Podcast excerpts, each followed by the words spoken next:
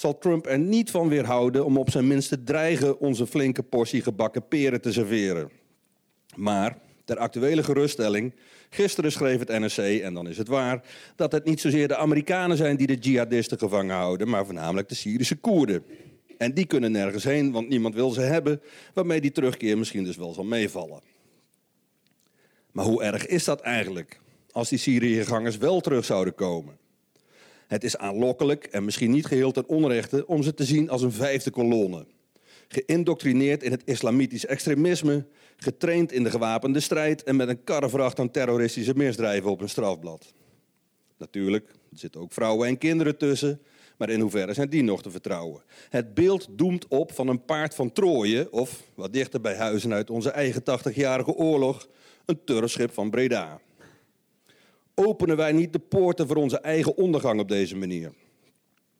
Gelukkig hebben wij het voordeel van de gekende geschiedenis. Wij weten wat er in Troje gebeurde toen het paard de stadsmuren binnengereden werd. Als die Trojanen gewoon dat paard in de gaten hadden gehouden, was er niks aan de hand geweest. Nu hoor ik u denken, dat wisten ze in Breda toch ook, die geschiedenis van Troje, en wat heeft ze dat geholpen?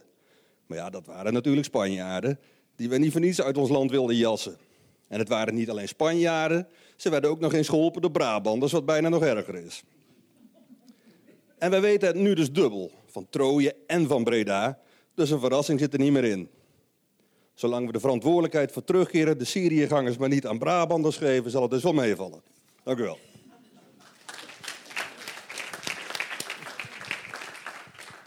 Dankjewel Peter, dat was, uh, dat was leuk. En het was food for thought. Dat is altijd een goede combinatie. Martijn en Koen, mag ik jullie uh, vragen om hier plaats te nemen? Ja, nou ja. Als je hier ergens rond die tafels blijft staan, dan, uh, dan ben ik blij. Um, om misschien met een vraag aan jou te beginnen. Ik denk als iedereen denkt aan dit fenomeen, aan de Syriëgangers en dan de vraag of wij hen terug moeten halen naar Nederland, dan denkt iedereen dat het een uniek historisch fenomeen is. Maar ik heb jou al horen zeggen dat dat eigenlijk helemaal niet klopt. Nee, we hebben daar uh, al een paar keer mee te maken gehad in Nederland. Uh, eigenlijk drie keer. eind 19e eeuw. We hebben het over de jaren 60 van de 19e eeuw. Toen is er een hele grote groep katholieke jongens naar uh, Rome afgereisd om de paus te helpen. De zogenaamde Zouaven. Om de paus te helpen tegen de legers van Garibaldi in die tijd. Nou, die jongens die, die moesten ook allemaal weer terug naar Nederland. Die waren allemaal hun nationaliteit kwijt. Uh, in de jaren 30 hebben we een groep van ongeveer 700 Nederlandse jongens gehad die naar Spanje zijn gegaan. Dat was toen de Spaanse burgeroorlog tussen 1936 en 1939. Uh, daar had uh, Franco staatsgreep gepleegd. Vooral linkse, vaak communistisch gezinde jongeren gingen toen naar Spanje toe om mee te helpen. En een laatste grote groep was in, de, tijdens de Tweede Wereldoorlog. dat waren meer dan 20.000 zelfs Nederlandse jongens die geworven waren door de Waffen-SS om naar het Oostfront te gaan. En ook die kwamen weer terug naar Nederland is er die eerste groep die was hun nationaliteit kwijt? Ze waren allemaal, allemaal. in principe hun nationaliteit kwijt. Dus eigenlijk geldt in Nederland, uh, als jij een vreemde krijgsdienst gaat, dan ben je je Nederlandse paspoort kwijt. Dat is, uh, dat is de regel waar ze nu dus uh, ook mee te maken hebben. Maar dan zijn mensen stateloos. Dat mag niet. Dan zijn mensen stateloos. Nou, volgens mij is dat, dat mag niet. Je kunt wel je nationaliteit kwijtraken. Ja. Ik hoorde je ook zeggen, het waren allemaal jonge mensen hè, die naar uh, Spanje, naar Rome en naar Duitsland gingen, of naar het Oostfront in elk geval. Is dat in dit geval ook zo? Zijn het vooral jonge mensen die naar Syrië, naar het kalifaat zijn, uh, zijn afgereisd? Um, ja, redelijk jong. De gemiddelde leeftijd is 24, 25. Um, maar zeker wat betreft de laatste lichtingen, dus de mensen die in 2015, 16 zijn vertrokken, um, daar zitten behoorlijk wat minderjarigen uh, tussen. Dus dan moet je denken aan uh, 14, 15. Um, en voor zover we weten, de jongste was 12. Zo. Op en, eigen houtje. Ja. En over hoeveel mensen hebben we het eigenlijk? Um, de officiële schatting is ongeveer 250 tot 300 Nederlanders. Mijn schatting zelf ligt iets hoger, 350 tot 400. Mm -hmm. Met andere woorden, we weten niet precies hoeveel het er zijn. Daar komt het eigenlijk op neer. Ehm, en op Europees niveau zou het gaan om ongeveer 6000. Oké, ja. En, en ehm, waarom gingen zij? We hebben net al even gehoord, hè, die mensen waren bijvoorbeeld naar Spanje, had een uh, uh, communistische uh, affiniteit, dus dan ging je helpen tegen Franco. En in dit geval, waarom, waarom gaan deze jonge mensen naar het kalifaat? Um, als je naar de onderzoeken kijkt, eigenlijk kom je alle soorten motieven tegen. Um, aanvankelijk een zeer sterk motief, dus 2012, 2013, was het strijden tegen het regime van Assad in Syrië. die gewelddadig de protesten de kop indrukte. Um, daar wilde men tegen strijden. Gaandeweg kwamen Al-Qaeda en ISIS op. En zo rond 2013, 14 zie je dat het gaat om het vestigen van een eigen uh, staat. Uh, en op het moment dat IS het kalifaat uitroept, claimt, um, zie je dat, mensen, dat het motief ook heel sterk wordt. Niet meer zo, of minder sterk in termen van strijden en sterker in termen van migratie. Dus men wil echt leven onder wat men dan ziet als islamitisch uh, bewind. Mm -hmm. um, en die eerste en twee, mensen... Even die, twee ja, andere groepen, ja? Avonturiers. Mm -hmm. Mensen die uh, nou ja, toch serieus plan hadden om een tijdje in Syrië te vechten... en dan weer terug naar Nederland te gaan en weer keurig aan het werk en aan de opleiding uh, te gaan... Um, en de laatste lichtingen, dus 2015, 2016, heel veel mensen die um, hier in de criminaliteit zaten. En eigenlijk om die omstandigheden te ontvluchten uh, en alle problemen die daarmee komen, uh, zijn afgereisd naar Syrië. Wat ik je niet heb horen noemen is ideologie. Ja, ideologie speelt natuurlijk wel een rol. En ik bedoel, IS heeft niet voor niks zijn best gedaan met allerlei uh, Hollywood-achtige propagandafilmpjes. Um, dus um, je hebt zeg maar de, de verschillende motieven die je aantreft in die verhalen. En die kunnen natuurlijk heel goed op ideologische wijze verwoord, gelegitimeerd worden. Dus het, strijd, het strijden tegen uh, Assad werd vanaf het begin af aan, in ieder geval door de uitreizigers gezien, als een vorm van jihad. Dus van een gerechtvaardigde strijd. Wacht even, zeg dat laatste nog eens. De strijd tegen het regime ja? van Assad uh -huh. werd door, vanaf het begin door eigenlijk alle uitreizigers gezien als een vorm van jihad. Ja. Dus van gerechtvaardigde ja. strijd. Ja, ja, ja. Oké. en Dat is denk ik ja? ook de overeenkomst uh, die je heel duidelijk ziet met het verleden. Is, ja, heilige oorlog, kruistocht. Um, Nou, in ieder geval, als er, uh, uh, ik, denk strijd, maar een, een militaire strijd kan daar onderdeel uh, Onder van zijn. Maar ja. het kan ook een persoonlijke strijd zijn. Ja, Uh, in, in, ieder geval wat je heel duidelijk de overeenkomsten ziet, denk ik, is... het zijn vaak jongens die uh, heel sterk het idee hebben... of in ieder geval hun vertrek legitimeren met het idee... dat de wereld op een kruispunt staat. Ja. En dat het absoluut onmogelijk is om afzijdig te blijven. Je moet iets doen. Dat is zeg maar de, de, de pull-factor, om het zo te zeggen, Ja. om te gaan. De push-factor is inderdaad, en dat zag je ook met die, die, die Spanje-strijders, eh, Waffen-SS-jongens, dat ze in eigen land niet zoveel te verliezen hebben. Dat het vaak jongens zijn die een beetje aan de rand van de samenleving zitten, werkloos. In de jaren 30 meestal waren het toch jongens die werkloos waren. In die tijd zeker betekende dat werkloos betekende geen meisje. Dus ook daarvoor hoefde hij niet te blijven. Daardoor waren ze waarschijnlijk ook uiterst gefrustreerd. Dus ja, er moet iets gebeuren. Je moet iets doen, een daad. Dus, uh, en dan komt er zo'n groot verhaal. En uh, in Spanje was dat, nu moeten we kiezen, wordt het communisme of fascisme? In de Tweede Wereldoorlog was het van hè, de Bolsjewieken gaan ons, de Aziatische horden zijn ons aan het veroveren. We moeten nu iets doen. Nou, voor de paus, die zei ook van hè, de zaak van de paus is de zaak van God. Hè, dat was dan uh, de, de strijdkreet. Dus je moest, je kon niet afzijdig blijven. En dat, dat was hoe het gelegitimeerd werd. Maar er zat er ja, natuurlijk ook zin voor avontuur en Ja. uh, dat soort dingen. Die zitten er altijd zo'n beetje bij dan. ja. Hè? En zi- zie je bij de mensen die nu naar IS of in ieder geval naar het kalifaat zijn gegaan ook eh, dat het mensen zijn die zich hier eigenlijk om, om welke reden dan ook niet thuis voelen of die eh, tot de marges van de samenleving horen?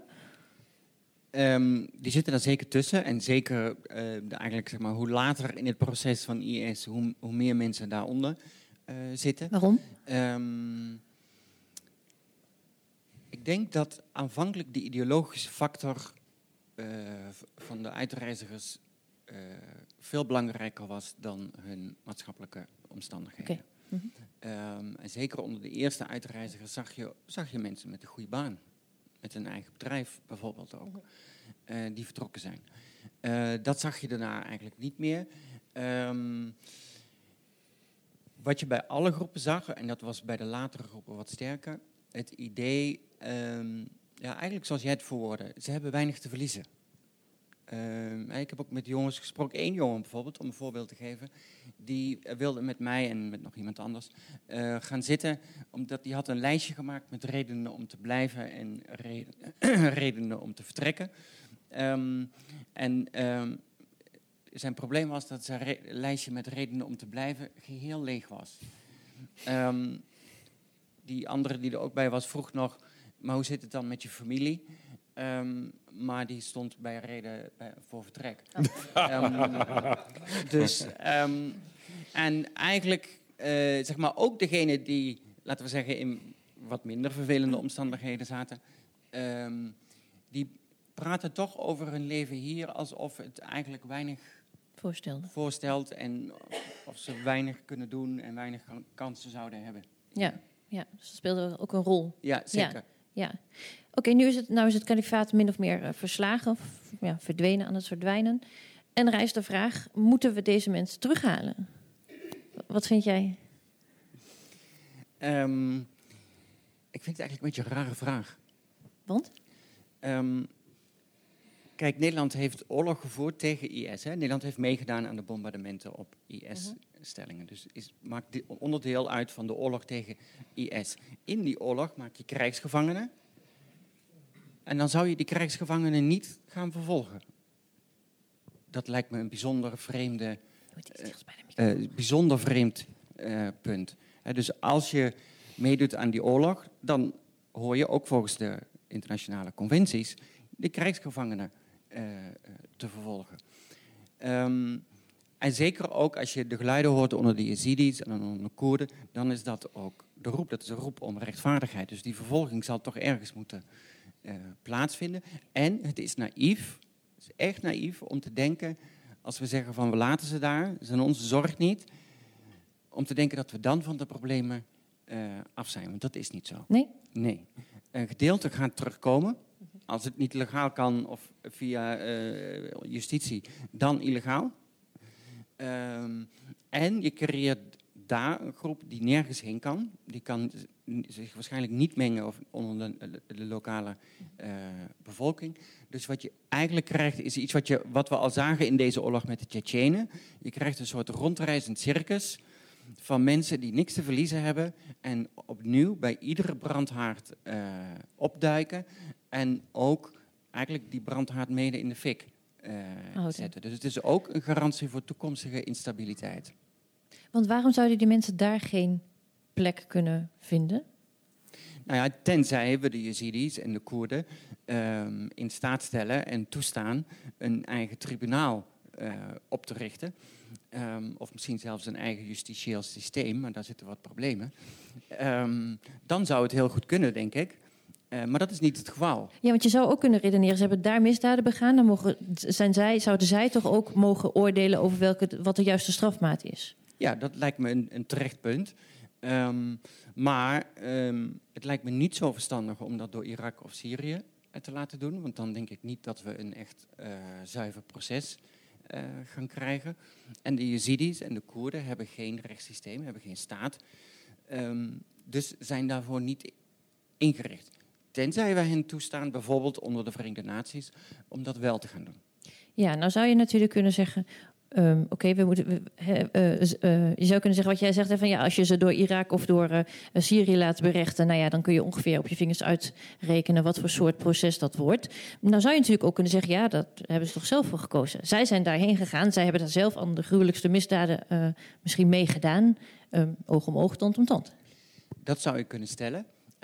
Dat is niet mijn stelling. Um, want eigenlijk, zoals je dat nu zegt, onthult zich als het ware nog een ander punt achter die vraag: moeten we ze terughalen of niet? Mhm. Zijn deze mensen nou onze zorg of niet? En zijn ze dat eigenlijk wel ooit geweest? Um, of hadden ze inderdaad gelijk toen ze zeiden, ja, we hebben hier toch niet zoveel. Dus waarom zouden we niet uh, gaan? Volgens mij is het ook politiek, ideologisch gezien, een heel verkeerde boodschap die je aangeeft voor discussies over burgerschap. Plus je doet eigenlijk precies wat uh, IS altijd wilde met haar propaganda, namelijk dat mensen rukzichtloos de banden met de landen van herkomst in Europa zouden doorsnijden. Vandaar ook dat je bijvoorbeeld zag dat mensen publiekelijk hun paspoorten uh, uh, verbranden. Um, als je als Europa nu zegt, jullie komen er niet meer in, um, ja, dan geef je als het ware eigenlijk een finale tik op de propaganda van IS. Yes, Lijkt okay. me ook heel onverstandig. Ja. Wil jij hierop reageren? Wat vind jij van wat Martijn hierover... Nou, kijk... Um, als het gaat om het terughalen van, uh, van de jongens, denk ik, je moet in eerste instantie kijken naar inderdaad internationale conventies. Die zijn er niet voor niks. Uh, internationaal recht, uh, hoe ga je om met krijgsgevangenen. Um, dus dat, dat, ik vind dat je daar in eerste instantie heel belangrijk naar moet kijken. Ik vind ook wel dat je een afweging mag maken. wat betekent het uh, voor uh, Nederland, als je jongens terughaalt, die potentieel wel iets kunnen gaan doen.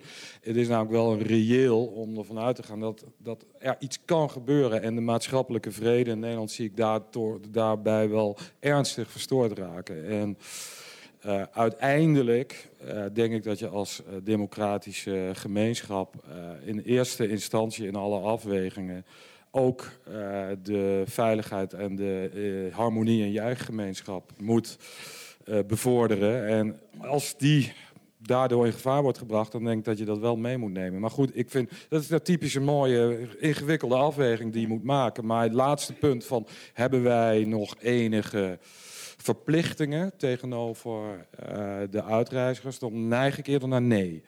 Die hebben we niet, maar uh, moreel, uh, dus moreel niet, juridisch wel. Want die regels zijn er niet voor niks. Hoe zit het met het gevaar dat Koen net benoemt voor de Nederlandse samenleving? Um, nou ja, het lastige natuurlijk al, dat ze altijd een beetje in een glazen bol kijken. Um, en um, er zijn indicators zeg maar, van risico. En een belangrijk punt hierbij, eigenlijk is er maar één echte indicator die niet al te zwak is. En dat is als mensen elders gevechtservaring hebben. um, dat voorspelt nog steeds slechts in zeer zwakke mate of iemand wel of geen geweld gaat plegen. Dus het blijft vaag. Maar het is wel de sterkste indicator, of de, laat ik het zo zeggen, de minst zwakke indicator die er is. Dus het is echt wel iets waar je rekening mee moet houden. En kijk, sowieso uh, waarschijnlijk voor degenen die we terughalen of terug laten komen, die, um, die gaan vervolgd worden. Ik bedoel, tot nu toe wordt iedereen uh, vervolgd. Nou, om ze een straf op te leggen van, nou, voor de vrouwen denk ik twee tot drie jaar en de mannen wellicht vijf, zes jaar. Daar is niet zo heel veel bewijslast voor nodig. Dat lukt je wel, denk ik. En daarna? Ja, hogere straffen, dan is er echt een veel zwaardere bewijslast nodig. Plus, als ze dan vrijkomen, wat dan? Dus ook, kijk, of we nu zeggen, ze zijn onze zorg niet meer, mhm. of we zeggen, ze zijn onze zorg wel. We zullen in ieder geval iets moeten doen. Ja. We kunnen niet gewoon achterover blijven zitten um, en denken dat we er nu wel van af zijn, nu IS is ingestort. Ja, ja, dat lijkt me logisch. Um, we hebben het nu de hele tijd over moeten we wel of niet Syriëgangers terughalen. En wie dan? Vrouwen, mannen, uh, uh, kinderen of, uh, of in, gedeelte zeg maar vrouwen en kinderen. Maar willen de Syriëgangers zelf eigenlijk terug? Ik bedoel, je, je, ziet er af en toe wel eens iets over in het nieuws. Hè? Of een, iemand die een beroep doet op de Nederlandse overheid van haal me alsjeblieft terug. Um, maar dat is natuurlijk een, een voorbeeld. Kan ook een uitzonderingsgeval zijn. Hebben jullie enig idee? Willen de Nederlandse Syriëgangers terug? En waarom dan? Um voor zover ik weet, dus gebaseerd op degene met wie ik zelf nog contact heb en de berichten die ik in de media uh, gezien heb, um, wil een groot deel wel terug, maar hoeft niet per se naar Nederland. En dan terug waar naartoe? Europa. Ja, ja. En weet je ook waarom? Um, eigenlijk omdat, uh, nou, zeker degene met kinderen, zien, uh, voorzien geen veilige toekomst in Syrië of Irak. En dat lijkt me een terechte uh, inschatting. Um, en willen dus terug naar Europa, maar hoeven niet per se naar Nederland. En het is niet enkel, maar is het enkel om de doodstraf te ontlopen? Nou, het gaat niet per se alleen om de doodstraf. Het gaat er ook om het idee dat ze waarschijnlijk niet echt goed kunnen integreren in die lokale samenleving, los van alle strafzaken. Uh, dat blijkt namelijk ook tijdens IS, het IS-bewind zelf al problematisch geweest te zijn. Um, die Nederlanders integreren echt voor geen meter, die blijven altijd bij die Nederlanders zitten.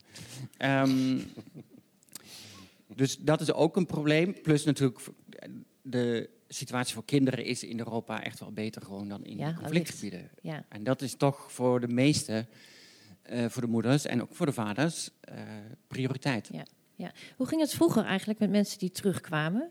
Hadden die dan, vonden die weer een bepaalde, konden die weer een rol, een functie, een betekenis innemen in de samenleving?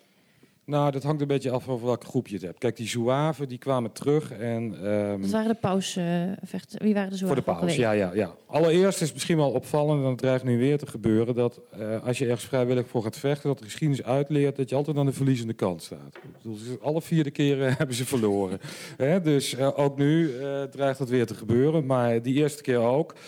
Maar ze kwamen terug en binnen de katholieke zuil golden die zouaven, dat waren wel een soort mascottes. Hè. Er is zelfs in, in uh, Noord-Holland de club van uh, Frank en Ronald de Boer, hè, de amateurclub, heet de Zouaven. Die is daarna genoemd, hè. Lutjebroek, daar die hoek. Maar dat geldt uh, voor de Oostfrontstrijders natuurlijk. de Spanje-strijders zeker niet. Die Spanje-strijders is wel interessant. Die bleken namelijk in zekere zin uh, te voldoen aan waar men nu bang voor is. Dat waren uh, voor een deel wel geharde strijders geworden. En die uh, jongens die kwamen terug in Nederland en die hadden het geluk dat de Tweede Wereldoorlog uitbrak. En dat zij in plaats van terroristen verzetstrijders konden worden. Dus uh, dan zie je weer dat die term terrorist en verzetstrijder af en toe uh, inwisselbaar is. Inwisselbaar is. Het ligt er maar vanuit welke kant je het kijkt. Maar in ieder geval, dat waren, die Spanje-strijders waren vaak de eerste die in het gewapende verzet waren. Want die, waren al, uh, die hadden al enige ervaring met wapens. Die Oostfrontstrijders die kwamen terug. heel groot deel bleef, ging trouwens naar Duitsland toe ook. Hè. Maar degenen die in Nederland kwamen, ja, die raakten vaak wel in de marge van de samenleving. Er zijn enkele, minder dan trouwens wel eens gedacht, maar enkele ook wel naar uh, Indonesië en naar Korea gegaan. Hè. Dat was dan een manier, ze hadden al gevechtservaring en konden ze toch nog iets goeds doen, zullen we maar zeggen. Um, maar die kwamen terug gestuurd? en die zaten in de marge. En dat duurde tot ja. in de jaren 60 soms voordat ze hun nationaliteit ja. terug hadden. Ja. Ook de Spanje-strijders, ja. die te maken hadden met veel uh, ja, anticommunistische sympathie, ja. of uh, uh, anticommunisme in Nederland. Ja. En degene die dan naar Korea of naar Indonesië gingen, gingen die op eigen initiatief. Wilden nee, ze werden gestuurd. Dus het was eigenlijk nee, een soort van boetedoening. Allebei niet. Niet, oh. niet gestuurd. En niet, uh, nee, je kon je aanmelden. Ja. En uh, men kon zich aanmelden. En daar, het is niet duidelijk of er echt... Uh, er is niet gezegd van je kunt je rehabiliteren. Maar het kon wel in je voordeel werken. En men had ook wel het idee van... Nou, daar heb je wel iets aan aan die jongens. Want zoveel gevechtservaring hadden Nederlanders niet. Nee. Maar deze jongens ja. wel. Ik vraag het ook omdat ik eigenlijk benieuwd ben naar of de, bij de vraag moeten we mensen terughalen en wie moeten we dan terughalen, of de vraag naar berouw nog een rol zou moeten spelen? Um, ongetwijfeld. Want um, kijk, als ze terugkomen, dan zullen ze waarschijnlijk het juridische systeem ingaan. En dan juridisch gezien telt er wel zoiets als berouw. Mm -hmm. um, en ook voor de politieke discussies. Ik denk dat bijvoorbeeld heel goed te zien is aan de recente discussie over Shamima Begum in, uh, Engeland. Hè, dus een van de vrouwen die uh, uh, terug wilde naar Engeland. Um, die was, laten we zeggen, niet heel berouwvol in haar interviews. Um, eigenlijk praatte ze zich bijna rechtstreeks de gevangenis in. Um, als, ze, als ze had terug mogen komen. en met name op dat, ze heeft veel meer gezegd in dat interview, maar met name op dat aspect, dus het idee dat ze geen berouw toont, daar zag je mensen wel echt heel boos op reageren. En dat, nou ja, dat, bedoel, dat is ook wel um, begrijpelijk natuurlijk, gezien de enorme misdaden waar IS zich schuldig ja. aan heeft gemaakt. Ja. Niet alleen IS, ook het Assad-regime, maar we, gaan, we hebben het nu natuurlijk over de mensen die voor IS uh, ja. gevochten hebben. Um, dus ja, ik, ik denk het wel, en, um, maar ongetwijfeld weet Koen dat beter. Volgens mij zie je ook wel in het verleden bij allerlei tribunalen het idee dat mensen in ieder geval publiekelijk hun misdaden toegeven. Ja. Dat ten eerste. Um, en eventueel ook berouw tonen. Ik denk dat dat, uh, nou ja, ook voor de maatschappelijke gemoedstoestand, zeg maar, wel eens een belangrijke rol zou kunnen ja. spelen. Wat vind jij? Zouden we alleen mensen terug moeten nemen die zeggen: Sorry, ik had het verkeerd ingeschat? Als we die boodschap geven, dan zullen heel veel mensen sorry zeggen. Natuurlijk. Kijk, het is natuurlijk ook een beetje. Ja. Ik chargeer een beetje. Ja, ja. nee, ik, ik snap het. Ehm, nou, ik denk, ja, goed, uh, dat, dat, dat, dat, zou je moeten nagaan hoe uh, diep dat berouw uh, gaat. en daar heb ik niet zo'n zicht op. Um, wat ik denk is, is um, dat het zou kunnen helpen, dat zie je ook wel met Oostfrontstrijders, als er wel vanuit mensen die meegedaan hebben aan dat soort dingen, een verhaal kan worden verteld. Hè, van uh, de fouten die je kunt maken en hoe uh, je in zo'n radicaal proces terecht kunt komen en wat dat van gevolgen kan hebben. Daarin kunnen, uh, kunnen mensen natuurlijk een rol spelen. Ja. Um, of, of berouw daarbij altijd, ja, of je iemand altijd op zijn blauwe ogen moet geloven. Ja, dat is ja, natuurlijk nee, altijd de grote ja. vraag. Ja, wellicht. Als we nog heel even teruggaan naar de politiek en naar uh, de retoriek ook vanuit Den Haag. Uh, president Rutte heeft in de afgelopen jaren twee keer gezegd: het, is maar beter, het zou beter zijn als ze daar sneuvelen dan dat ze terugkomen. Uh, er zijn inderdaad discussies over: moeten we hen wel of niet een paspoort afpakken? En als ze er twee hebben, dan sowieso. En als ze maar één hebben, dan misschien ook. ik heb jou net al horen zeggen, Koen, dat je dat niet zo'n gek idee vindt. Maar ik wil toch even de vraag stellen: zou het zo gemakkelijk moeten zijn om mensen die toch eigenlijk een deel van onze samenleving vormen, hè, ze hebben een Nederlands paspoort met het oog op, op veiligheidsrisico's of met het oog op de meerderheid wil, moeten we die zomaar hun bestaansrecht ontnemen? Nou ja, tot nu toe doen we dat dus niet voor iedereen. Hè? We doen dat alleen maar voor mensen met een dubbel paspoort. In Nederland tenminste. Ja. Uh, Engeland heeft nu met dat meisje, Shamima, meisje jonge vrouw, uh, Shamima Begum, eigenlijk een soort precedent gezet um, om haar het staatsburgerschap te ontnemen. Uh, met het argument, ze heeft het staatsburgerschap van Bangladesh. Bangladesh heeft gezegd dat is niet zo. Uh, dus nu is ze stateloos. Dat is wel een unicum. Um, en Nederland uh, mag volgens de huidige terrorismewetgeving mensen nationaliteit ontnemen. Um, maar doet dat alleen maar in het geval van mensen met een dubbele nationaliteit. Dus dat, ja, maar stel je voor dat dat zo is. Hè? Iemand heeft een Nederlands en een Bangladesh, een paspoort van Bangladesh. Nederland zegt, wij trekken je het Nederlandse paspoort in. Bangladesh zegt, zegt inderdaad, je hebt ook een uh, Bangladesh, wat is het woord, paspoort. Zeggen wij dan, nou, mooi, dan zijn wij er vanaf en dan zoek jij, zoekt Bangladesh het maar uit. Met deze mevrouw in dit geval. Dat is uh, toch ook raar? De, dat is raar. Ik denk ook niet dat Bangladesh daarom zal staan te springen. Hm. Um, dat bleek ook in dit geval namelijk niet zo te zijn. Um, plus, je voert eigenlijk toch een soort tweederangs burgerschap in.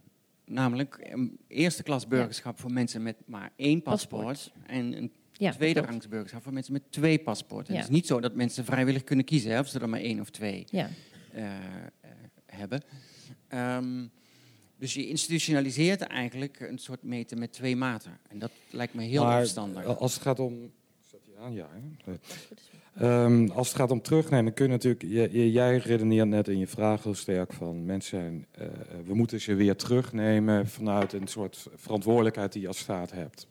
Maar mensen hebben zeg maar, die staat uh, moedwillig verlaten en hun nationaliteit in die zin opgegeven om dan weer terug te mogen keren, zou je ook kunnen zeggen, val je onder een andere procedure, namelijk een asielprocedure. En daarbij geldt toch dat je geen oorlogsmisdaden mag hebben begaan. Dus in die zin, dus je, je, je gaat een ander criterium aanbieden. Je zegt niet, je, je lat is niet van uh, ja, we nemen je terug, want je was ooit Nederlander. Nee, je lat is veel meer van, oké, je wilt terug naar, je wilt naar Nederland komen. Dat kan vanuit oorlogsgebied, maar dan moet je daar gegronde redenen voor hebben. En een van de dingen die we in Nederland toch heel erg proberen te voorkomen, is om mis, oorlogsmisdadigers binnen te krijgen. Ja, ook in de asielprocedure, daar wordt sterk op gelet. Wil jij kort reageren? Want in verband met de tijd wil ik daar nog even naar de zaal. Het ingewikkelde daaraan, dus niet alleen in de asielprocedure, maar ook in een eventuele uh, juridische vervolging, is dat je dan natuurlijk toch zult moeten bewijzen dat iemand zich aan oorlogsmisdaden schuldig heeft gemaakt. En dat gaat heel erg lastig worden, denk ik. Ja, ja.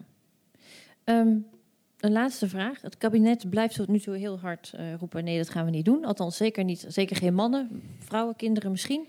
Um, wat denken jullie? Wat, blijft de koers zo? Of gaan we onder druk van bijvoorbeeld de VS toch, uh, toch strijders terug? Of ja, in ieder geval Syrië gangers terug naar Nederland halen? Nou ja, we hebben buitenlandse druk, we hebben ook binnenlandse druk vanuit uh, Wilders Baudet. En die, het zogenaamde de koren op de molen van. Daar zal zeker de VVD toch zeer gevoelig voor zijn. Het CDA ook. Dus dat merkt je zo'n uitspraak als van Rutte. Liever dat ze daar doodgeschoten worden. Valt niet los te zien van de aanwezigheid van Wilders natuurlijk. Dat, dat, hij moet daar toch wind uit de zeilen nemen. Dus die druk heb je. Je hebt namelijk al die druk dus vanuit de Verenigde Staten. Dus ja, dat wordt weer een heel interessant krachtenspel, zullen we maar zeggen. Ja. Wat denk jij? Wat denk jij? Nou, ik, daar ga ik denk ik grotendeels in mee. Kijk, er is nu een opening. Uh, het kabinet heeft een opening gecreëerd door te gaan onderzoeken of die vrouwen en kinderen terug kunnen komen. Ik denk ook dat daar wel veel meer draagvlak onder de bevolking voor uh, zou zijn. Zeker voor de kinderen, want het idee is toch, we gaan de kinderen niet straffen voor de daden van de ouders. Um, zelf vind ik eerlijk gezegd eigenlijk ook dat de overheid zou moeten kijken naar degenen die destijds minderjarig waren en op eigen houtje zijn vertrokken. Vind ik toch echt ook een ander verhaal dan wanneer iemand volwassen is uh, en vertrekt. Maar ik denk niet dat er veel meer komt dan deze opening, eerlijk gezegd. Oké. Dank jullie wel dat jullie hier waren. Dank natuurlijk ook aan Koen Vossen en Martijn de Koning. Fijne middag nog, goede colleges of wat u verder zoal gaat doen. En graag tot ziens bij Radboud Reflect.